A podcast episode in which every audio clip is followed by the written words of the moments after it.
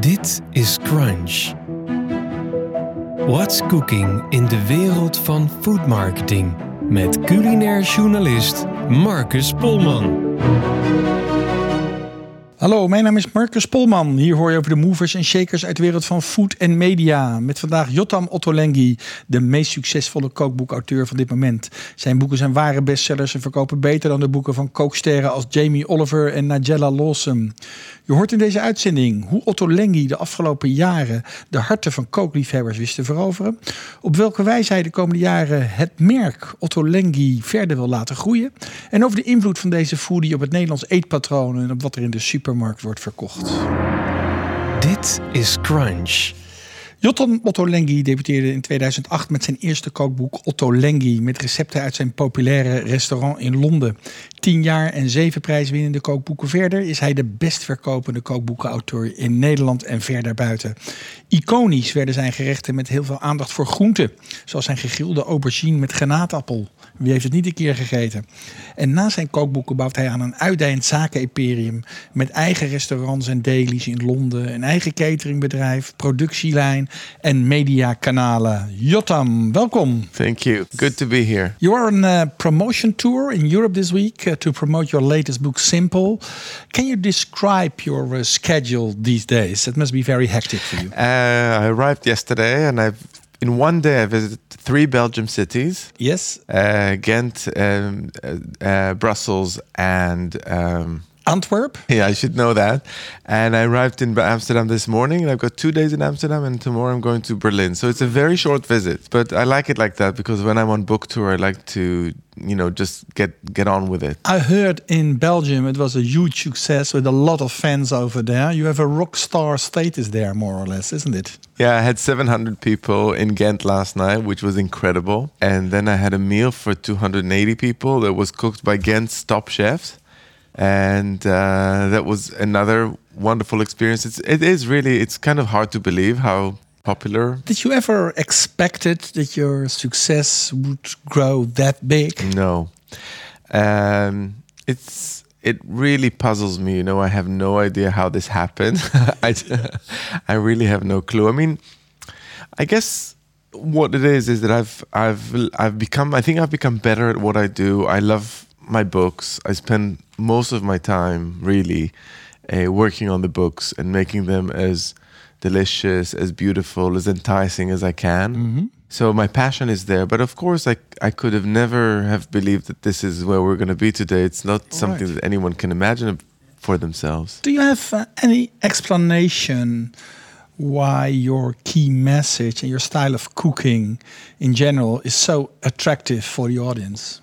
I think it's it, in my mind. It's probably a combination of things. So I would have, I would have thought that um, something a key component is vegetables. Mm-hmm because uh, I love vegetables and I spend a lot of my time trying to make them as delicious as possible infusing them with flavors from all over the world and techniques that include all sorts of weird and wonderful ways with them.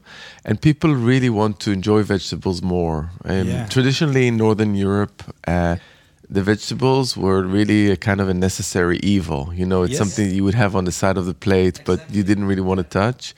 And I bring a fresh approach to vegetables and um, a celebratory approach to vegetables because um, in in the part of the world where I was growing up in the Middle East, but in all sorts of other parts of the world, vegetables are really the center of the diet. I mean, that's what we enjoy, that's what we eat. People cannot afford to eat so much meat yeah. and fish as they do um, in the West. So I think vegetables are part of the answer. But you're not really a veggie chef, are you? You also make recipes with lamb and other sorts of meat. Yeah, all meats and fish.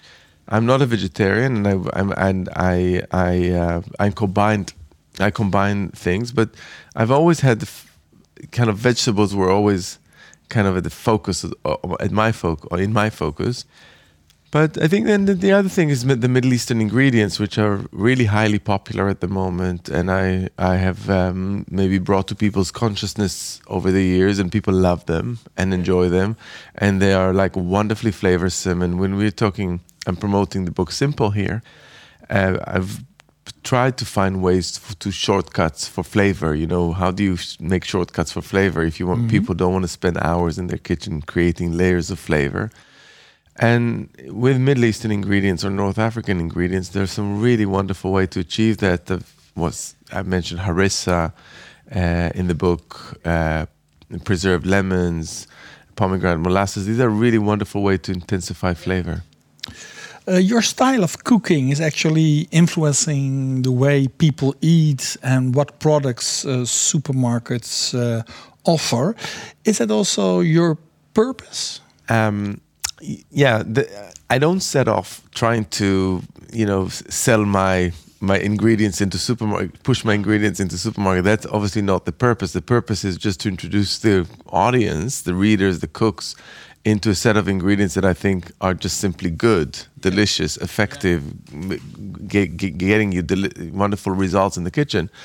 But obviously, you know, retailers, supermarkets are clever. They see what's popular and what's what would work, and they do it. And when I walk into a supermarket and see those ingredients now, whether it's in Holland or in other countries, I feel a bit proud. You know, it's great because you know because it means that people have a richer diet and they enjoy more interesting ingredients and they don't think vegetables are a necessary evil because they can flavor them so well with with tahini. Uh, so yeah, it's a it's a little victory. I think it's a great, and everybody's a winner. Are you uh, on a mission to uh, make your food more accessible and more mainstream? it's not a mission in the sense that I don't. My- I, the last thing I want to do is try to convert people into a certain lifestyle. It's never been my mission to say to someone, "Oh, this way of eating is right or wrong." It's it's just not natural to me. I don't I also like the word healthy in the context of food because I think food isn't healthy or unhealthy. It's just food, and it's all about what you do with it and, and how you consume it. So. I think there is there are a lot of great reasons to eat vegetables. First and foremost, because they're so good. Uh, but then obviously they're good for you. They're good for the environment. They create much more interesting meals. Uh, so, but I'm not a converter. You know, I've I've never been someone like that, and and I think people who try to convert almost achieve the opposite because they alienate people sometimes. That could happen. You're now on a tour to promote your latest book, uh, Simple. Uh, Can you explain what does simple mean to you? Yes. Um, so before I started working on this book, or when I started working on this book, I really tried to, to understand what simple cooking means to different people. And so myself and my colleagues were asking people around us, what what's an easy meal for you? What's a simple meal for you? And we really got all sorts of interesting answers. Um, some people would say, "Oh, you know, I do like cooking, but I and I'm I'm willing to spend time in the kitchen, but I want to cook it all in advance and have it all ready for when I serve it. So things that can be reheated or tossed together at the very last minute." Other people said, like, my idea of a nightmare is going shopping. Like, I want to minimize the shopping. and some people said, oh, I want to cook very quickly. You know, within half an hour, and I want to have a dish or a meal on the table. So all these answers that we got informed my my my my understanding of what of what simple cooking means because all of a sudden I realized it's really not about the, the recipe, mm-hmm. it's about the person cooking. And it's about the purpose of the meal. So hence the way the work the, the recipe is structured using the letters of the word simple mm-hmm. as an acronym for as codes for distinguishing one recipe from another so on top of the recipe if it's got an s it means it's short on time something that won't take you as long as other recipes to cook if it says a p it's a pantry it's a recipe that you cook from your cupboard rice and pasta and pea, frozen peas etc the I sense stands for ingredients, or a short list of ingredients, 10 or less. Uh, the L stands for lazy. and uh, that lazy really, all it means is that dishes that kind of cook themselves, you know, that you don't need to do much, like stews and roasts, where it goes in and then you come back after an hour or two and the dish kind of almost cooked itself. And E, it says it's easier than you think and i think that's another really interesting category because i think some many people assume they can't cook something just because uh, they have this kind of misconception about that particular thing Uh, and, but in actual fact, there's really it's not as intimidating as it should be. Yeah. Uh, like some people say, I will never make ice cream because it's just too long and too complicated, but and you need a special machine for churning ice cream. Well, in actual fact, you can make a really quick, quick raspberry ice cream that doesn't rely on any piece of machi- equipment. It will Yes. win you lot of, lots of fans. Um, sometimes there is a, complicated culinary uh, term, often in French, that puts people off, like confit. So, so all these categories are just a way to for people to navigate through the book and find recipes that work for them. Your former books, you were not very much known for uh, ease of use. eh? You had to shop for a lot of ingredients. Is this uh, an example of a way to try to make it more accessible to more people? Yeah, my my definitely it was I wanted to say to to people who love the food and always thought it's not accessible to to kind of prove them wrong and say you and and show that you could create a really interesting set of flavors, a really intense, interesting, delicious experience with a little bit less effort and and Um, I had I have a lot of people in mind. Sometimes I, I write a column in the Guardian and I look at the notes and the comment people say at the bottom, "Oh my God, yet another very long recipe, etc., etc." And I just wanted to show them that actually you could get a lot of flavor with shorter list of ingredients. It doesn't mean that there's no room for complicated recipes because I think people should challenge themselves and push themselves, but you could also get the Ottolenghi flavor profile with less effort. Uh, let's have a look at your business uh, activities. Uh, you do a lot of things. You have uh, six restaurants. Uh, you make uh, your own columns for The Guardian. You have your own book production. I mean, it's a real serious business by now. How do you manage that and with what team is involved? So one thing I always like to emphasize, and I know a lot of people say that, but in our case it's true, is that it's really it's ju- I'm just one of a few partners. There's four of us, but there's a few other senior people, and in a sense, although I get all the glory.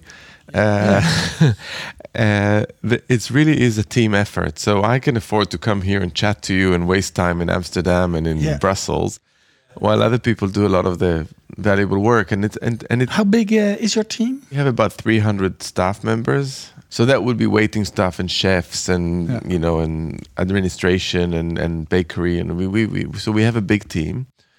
Uh, but and and in a sense it kind of just operates. I don't need to be there all the time. And and it's it's a I think the way we've structured it allowed us to grow to the size that it is because people get a lot of responsibility. So every head chef is in charge of their own menus. They create their menu. Of course, I need to approve it and taste it and have discussions, etc. But people are really empowered to do to do what they need to do. There is a lot of key people in the organization that do all sorts of things, and and now we have a kind of a executive head chef, um, a, a guy called uh, Calvin, and he's he's really in charge of enforcing the standards and the quality that we we that you know that we're after, and he often approves dishes, and and I know that they're going to be good, and if I have an issue, I would talk to him. So it's it's spread out, and I think this system of really not concentrating the decision or day-to-day responsibilities within one person, but actually spreading it out has worked really well. Let's have a look at another line of your activities. That's the production of your cookbooks. How big is that team? I've got a team of about two or three people, and they Yeah. test recipes. I mean, they're so for the cookbook, the writing and the testing of the recipe. I've got a test kitchen, and we constantly test recipes. It's a really actually one of the most wonderful places to be in. I go there every day, looking forward to try all the dishes that we're going to be testing, and it's it's a great environment also creatively because everybody can contribute. People, the, the testers come up with their own ideas, and we have conversation, and we try things, and we change them, and we adapt them constantly, and and that would end up being in in cookbooks or in the Guardian or any other publications that I write I, I write for. And it's a really it's one of the most joyful aspects of my life being in the test kitchen because it's literally pure creativity and it's just Yes. being in the presence of food, which is obviously why I came to this profession. And and that group is a is a is a is a very creative group.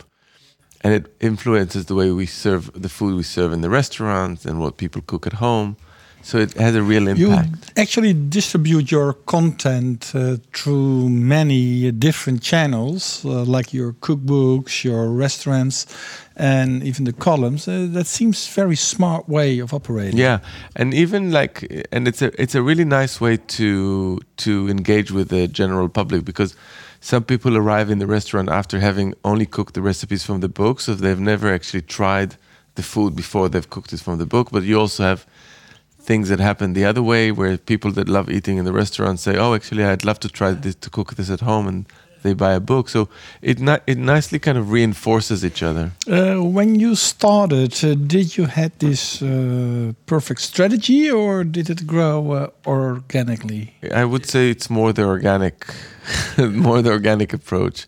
When I published my first book in 2008, I said to Sami, who's the co-author and partner, I said to him, "Well, we'll just do this book because lots of customers wanted to know how to make our salads, and we just get it out of our system, and then we go back to our daily lives." I never thought that the whole the publishing would become a a big thing in our in our world. Even bigger, I guess, the book publishing, isn't it? Yeah, yeah, it's it's become really big. Your success in the Netherlands is amazing. Uh, I understand from your publisher that you sold here more than 100,000 copies in just uh, three months' time. Well, in Holland, I sell more books per capita than anywhere else in the world, which is astounding. um, no, I don't really have a good explanation for that. I try to understand it. People say all sorts of things, but something chimes with the with the Dutch, and I, of course, I'm very grateful uh, for that. Uh, but there there isn't really any good reason why I would be more popular here than in Germany. Let's say. I mean, the it's not a whole different universe, and and it still somehow happens. I mean, I sell a lot of books in Germany, so I'm, I I don't really complain. But uh, yeah, of course. but it, it, the, the Dutch phenomenon is pretty amazing. Actually, uh, you lived in in Holland, eh, in Amsterdam, uh, a while, isn't it? I used to live here for two years uh, in Amsterdam in the 1990s. Yeah, I could even speak a little bit of Dutch at the time, which I can't do anymore. I'm afraid. What's your view uh, on the food culture here in the Netherlands? I arrived here. It was um, November 1995, and I remember it was kind of the the period leading to Santa Claus and Christmas and and the New Year, and I was bombarded by all these delicious pastries and bakes and cakes that are typical to this time of the year. And I remember someone brought me. I published in Sweet a recipe for the gevulde speculaas. Speculaas? Yeah. And I remember they brought it and we were having tea or something and I tried it. I thought like, oh, this is just so delicious. I've never had the combination of a almond paste or marzipan with these particular spices and I completely fell in love with it. I've I've loved it ever since. But all sorts of Dutch bakes and then I, I also learned to love um, Indonesian food the Dutch way, uh, which is a whole different universe that I had no idea about and and more traditional Dutch Dutch food. I've always used to st- st- stop by uh, by the canal for some smoked or, or or or pickled fish. Yeah, all those things are really kind of very strong memories from from my time in Amsterdam. Um, let's have a look uh, at the future. Uh, what are your plans for activities and new activities in the near future? obviously I spend a lot of time on in London with the restaurants. And this year we last year in, in 2018 we opened a new restaurant called Rovi. And it's taken a lot of my energy in terms of thinking it and developing recipes and putting it all together. And I'm very proud of it. And a, a new restaurant still needs a lot of nourishing at the beginning. Uh, Is Amsterdam or any other European city an option for opening a new restaurant? I wouldn't rule it out. It's always I always find it quite hard to imagine how you run restaurants in different places. I've I've never had that experience because everything has always been in London. Did you consider with your team to open restaurants abroad? Yeah, we have considered it a few times in the past and had conversations, but nothing ever materialized because it's not like um we haven't really managed to create a, a, a partnership. I mean, you would need to have someone really strong to to work with that, and then even then, I mean, how do you maintain? There's a lot of question marks. And of course, you don't work uh, with an own brand for your restaurants. They are all different. Yeah, and also because there, we don't really operate with a like the, the restaurant don't open. It's not a f- so easily franchisable. You know, the recipes don't really operate with a recipe book as such. And How popular are you actually in uh, the United States? Uh, do they really like uh, Ottolenghi food there next to their uh, hamburgers? American is more complex than that. I mean, I think there's a lot of really great food happening in the in America, and I go to places like Seattle and Washington and LA, LA and San Francisco, and yes, I I, I sell a lot books there too. Yeah. Not as many as per capita as they sell in Holland, but uh, but it's it's a big it's a bit it's a big market. Any plans for new book projects in the near future? Yeah, I work on recipes and books all the time, and not not not every one of them has a purpose yet. You know the context, but uh, I'm definitely going to be publishing a book next year in 2020. I'm working on another vegetable focused cookbook. I mean, they're all vegetable focused, but in the in the kind of the traditional of plenty and plenty more, uh, and trying to figure out how we can hone in on vegetables even more and get more flavors from different parts of the world and and the the flavor bombs that I was talking about in the context of simple Yeah. things that really have have very impactful in terms of infusing recipes ingre- um, ingredients with flavor I want to get more of those on to the to the next book so it's definitely going to be about more vegetables Will your focus remain on Mediterranean food and Middle East food, or will you broaden your food to other regions like uh, Asia?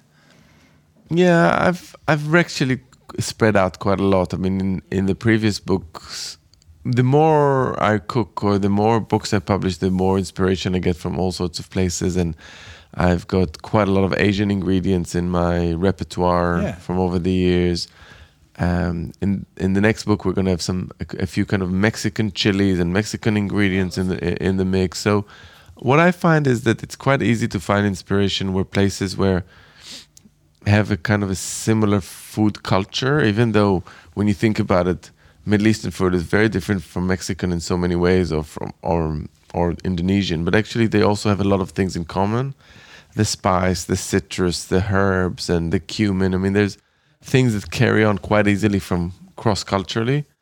So I, I, I think I can easily borrow and use ingredients from other places, but I do it carefully. Yes, and that will be uh, your challenge, I guess, to invent all the time all those marvelous creative uh, dishes. That is my challenge every day. Thank you very much, Jotam Ottolenghi, and a lot of success with your European tour. De Crunch Podcast is een co-productie van het PR-bureau in samenwerking met Marketing Tribune. Wil je een review achterlaten over deze uitzending? Laat dan je reactie achter op soundcloud.com, iTunes of Stitcher.com. Heb je een leuk idee voor een gast of wil je zelf in deze Crunch Podcast over een business case komen vertellen? Stuur dan een mail naar marcus@hetprbureau. Dit was Crunch voor vandaag. Keep on eating en graag tot een volgende keer.